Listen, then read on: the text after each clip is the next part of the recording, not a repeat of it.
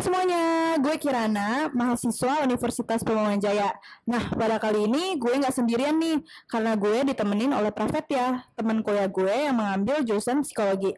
Langsung kita sapa saja ya. Halo Prafet ya, apa kabar? Hai Kirana, kabar baik. Kirana apa kabar? Baik, gimana nih kuliahnya yang masih online ini?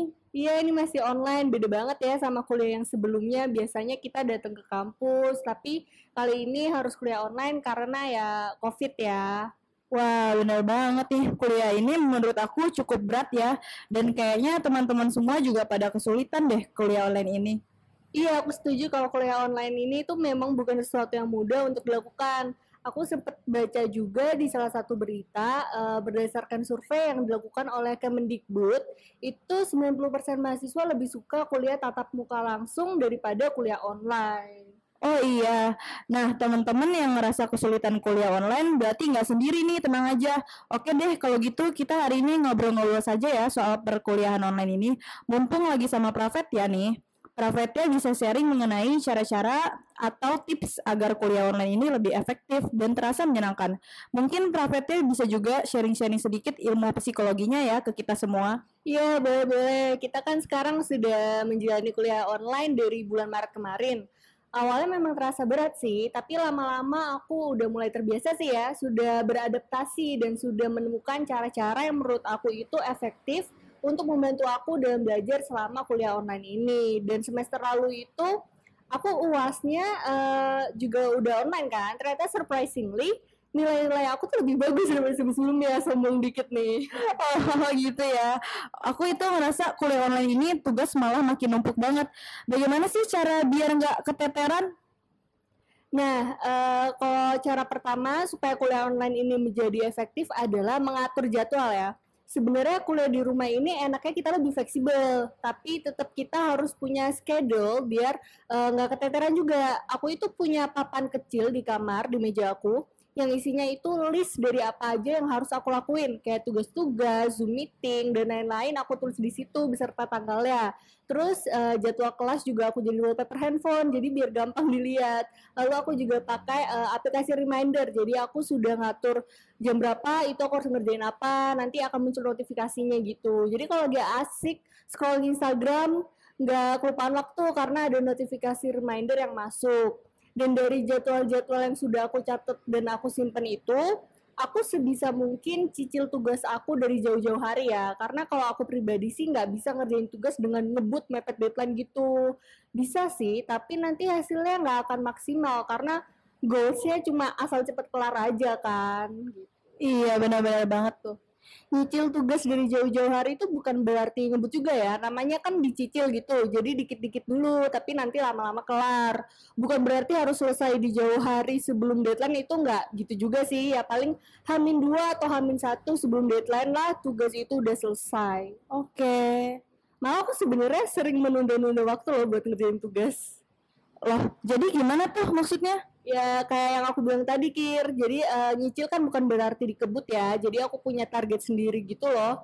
Tugasnya harus selesai kapan? Aku biasanya fokus sama satu tugas yang susah dulu. Sehari itu maksimal ngerjain dua tugas aja. Kalau aku atau kalau tugas yang gak terlalu susah boleh lah tiga tugas. Karena kalau kita terlalu fokus sama tugas yang banyak malah akhirnya kita yang sendiri kan. Itu uh, maksud aku adalah nunda waktu jadi buat fokus sama satu tugas aja gitu. Jadi maksudnya nunda waktu itu ngerjain tugasnya sedikit-sedikit lah nggak langsung diselesaikan. Karena semakin banyak tugas yang dikerjakan kan semakin banyak juga ya tekanannya. Kita jadi semakin mikir malah jadi semakin stres kan. Pernah nggak sih Kirana uh, pusing banget pas lagi ngerjain tugas? Wah sering banget sih kalau itu. Nah aku kalau udah pusing gitu ya stres writer's block atau bingung mau nulis apa, aku berhenti dulu tugas aku. Aku biasanya uh, olahraga sebentar 30 menit atau ngopi, ngobrol sama orang rumah, cari inspirasi lah biar aku tuh lebih semangat dan fokus ngerjain tugasnya lagi gitu. Atau kalau udah stuck banget ya udah tidur aja tugasnya dilanjutin besok lagi. Karena kan kalau lagi nggak ada inspirasi terus dipaksa ngerjain yang ada malah hasilnya nggak maksimal. Jadi itu maksudnya kira aku nunda tugas. Makanya tugas apalagi project yang gede itu nggak bisa dikerjain mepet deadline. Dikerjakan semalam itu nggak bisa karena kita bukan membangun candi Prambanan ya tiba-tiba jadi. Iya benar-benar gitu Aku itu sebelumnya uh, selalu maksain tugas cepat kelar, padahal kan tujuan dari mengerjakan tugas kan bukan itu ya. Iya percuma kelar tapi yang dikerjain asal-asalan. Iya malah kita nggak dapat manfaat dari value dari tugas tersebut kan. Uh, turning point aku untuk mengubah metode aku dalam mengerjakan tugas itu waktu itu aku ngotot mau nyelesain tugas paper dalam semalam. Deadline Hamin 3 kalau nggak salah. Ya lumayan mepet sih makanya aku mau nyelesain dalam semalam pada waktu itu. Jam 11 aku berusaha nyelesain tapi yang ada aku malah stres. Writer's block nggak fokus. Akhirnya ya udah deh aku tidur aja. Karena emang uh, lagi kurang tidur juga kan besok paginya itu aku bangun langsung seger banget karena akhirnya bisa tidur di bawah jam 12 ya kan? Biasanya kan mahasiswa kalau tidur kan selalu di atas jam 12 ya. Aku bangun langsung lanjutin tugas tuh jadi lebih fokus lebih maksimal. Akhirnya kelar juga deh gitu. Makanya dari situ aku mikir sebenarnya eh, nggak uh, apa-apa nunda tugas kalau kita bisa memberikan pengaruh baik ke tugas kita nantinya yang akan dikerjakan iya iya. Kadang terlalu di uh, gitu malah jadi pusing sendiri ya Iya, oh ya, terus aku itu juga punya jam-jam produktif ya, di mana aku lebih fokus di waktu-waktu tertentu.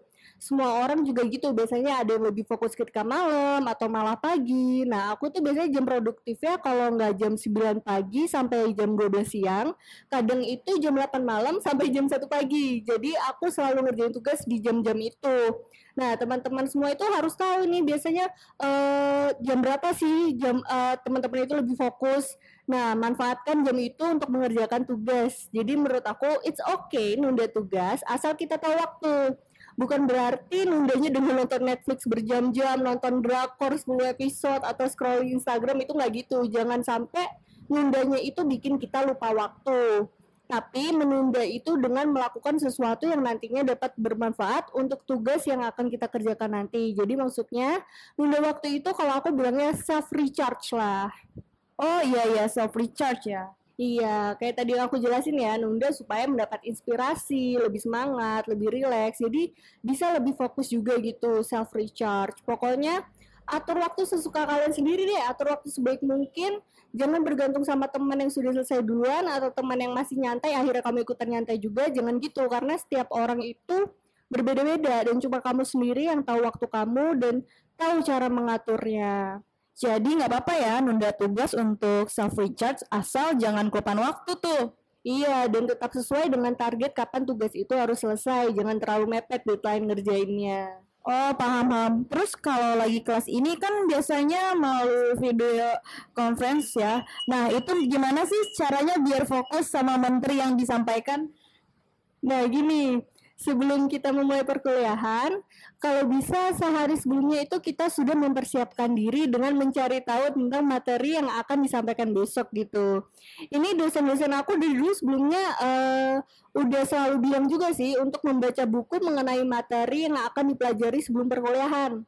Jadi kita itu cari informasi dulu mengenai materi-materi yang akan disampaikan, baca dari buku, e-book, sumber internet, jadi kita itu nanti pas kelas nggak kosong gitu loh, karena kita udah punya yang namanya skema mengenai materi yang disampaikan. Skema itu adalah informasi, pengetahuan, konsep yang sudah ada di kepala kita gitu. Kalau kita udah punya skema, informasi itu akan lebih mudah dan lebih luas untuk diserap di kepala kita. Jadi kita nggak boleh kosong kepalanya kalau mau kelas. Kalau kita belum mencari tahu tentang materi yang akan disampaikan itu, berarti kita belum siap kelas. Seenggaknya baca sekelibet aja juga nggak apa-apa, yang penting nggak kosong gitu. Jadi kita itu uh, bisa lebih mudah paham dengan apa yang disampaikan oleh dosen. Lalu kita nanti tinggal tanya aja apa yang kita belum ngerti atau kurang paham.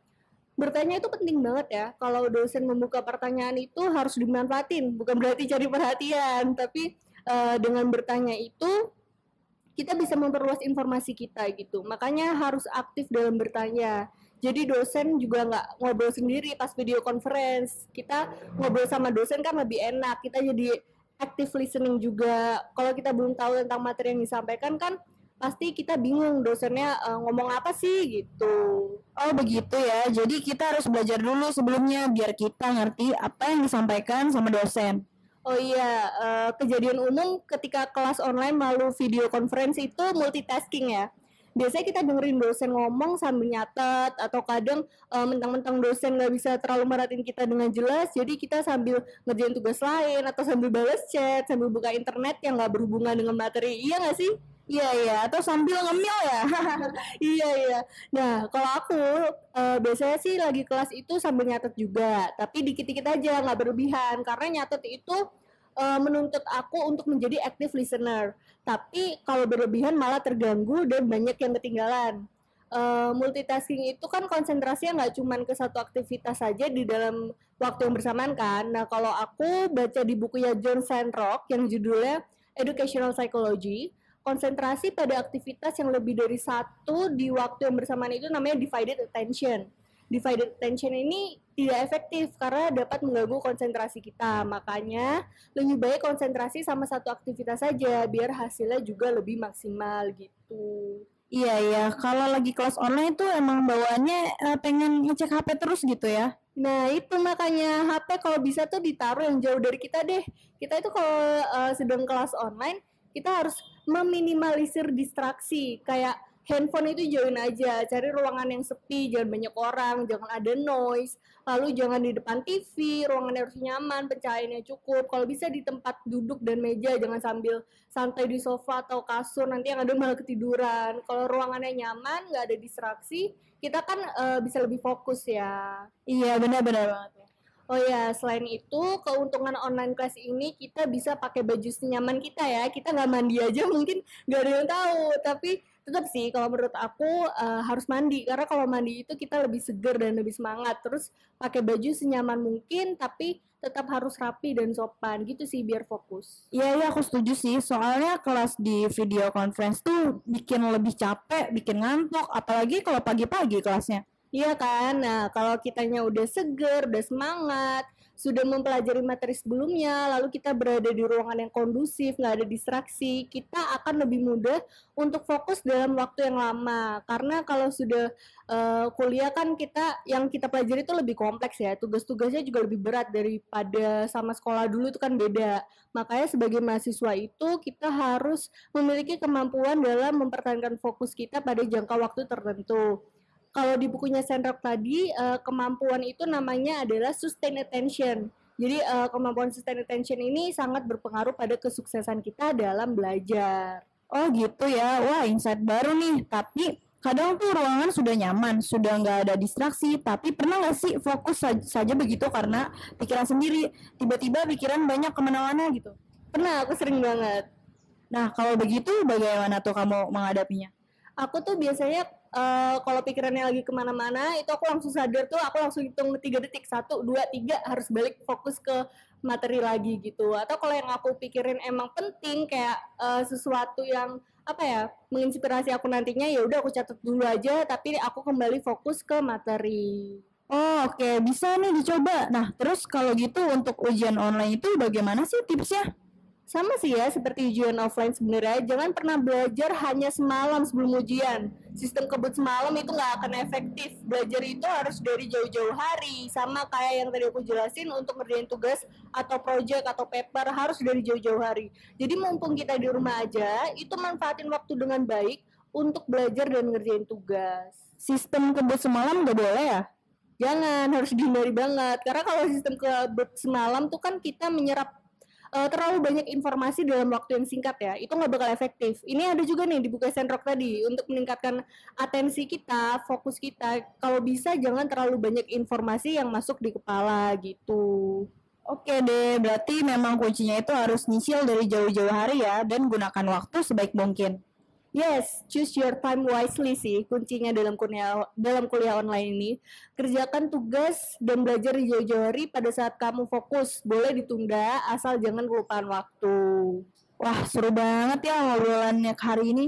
Iya seru banget nih, banyak banget tips-tips yang aku ambil dari buku Sandrock. Tapi kalau aku jelasin semuanya nggak bakal kelar-kelar nih kita. Iya, oke deh sebelum diakhiri podcastnya, pertanyaan terakhir yaitu apa pesan dari Pravetya untuk teman-teman semua yang lagi struggling nih dengan perkuliahan online ini? Hmm, pesannya sih kita harus bisa beradaptasi dengan kondisi seperti ini, tetapi jangan terlalu dipush ya. Jangan semua harus dikerjakan bersamaan uh, agar cepat selesai. Kalau dicicil tuh pasti akan selesai kok. Meskipun sibuk mengerjakan tugas dan belajar, don't forget to take care of your mind and your body too. Sesekali lakukan kegiatan yang menyenangkan supaya kamu nggak stres-stres banget.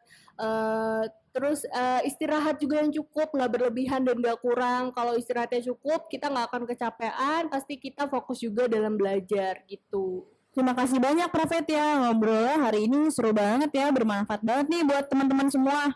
Iya, terima kasih juga Kirana. Semoga yang disampaikan tadi bermanfaat untuk teman-teman yang mendengarkan dan semoga bisa menyemangati kalian semua yang sedang kesulitan dalam kuliah online ini. I think that's it. Terima kasih sudah mendengarkan dan sampai jumpa.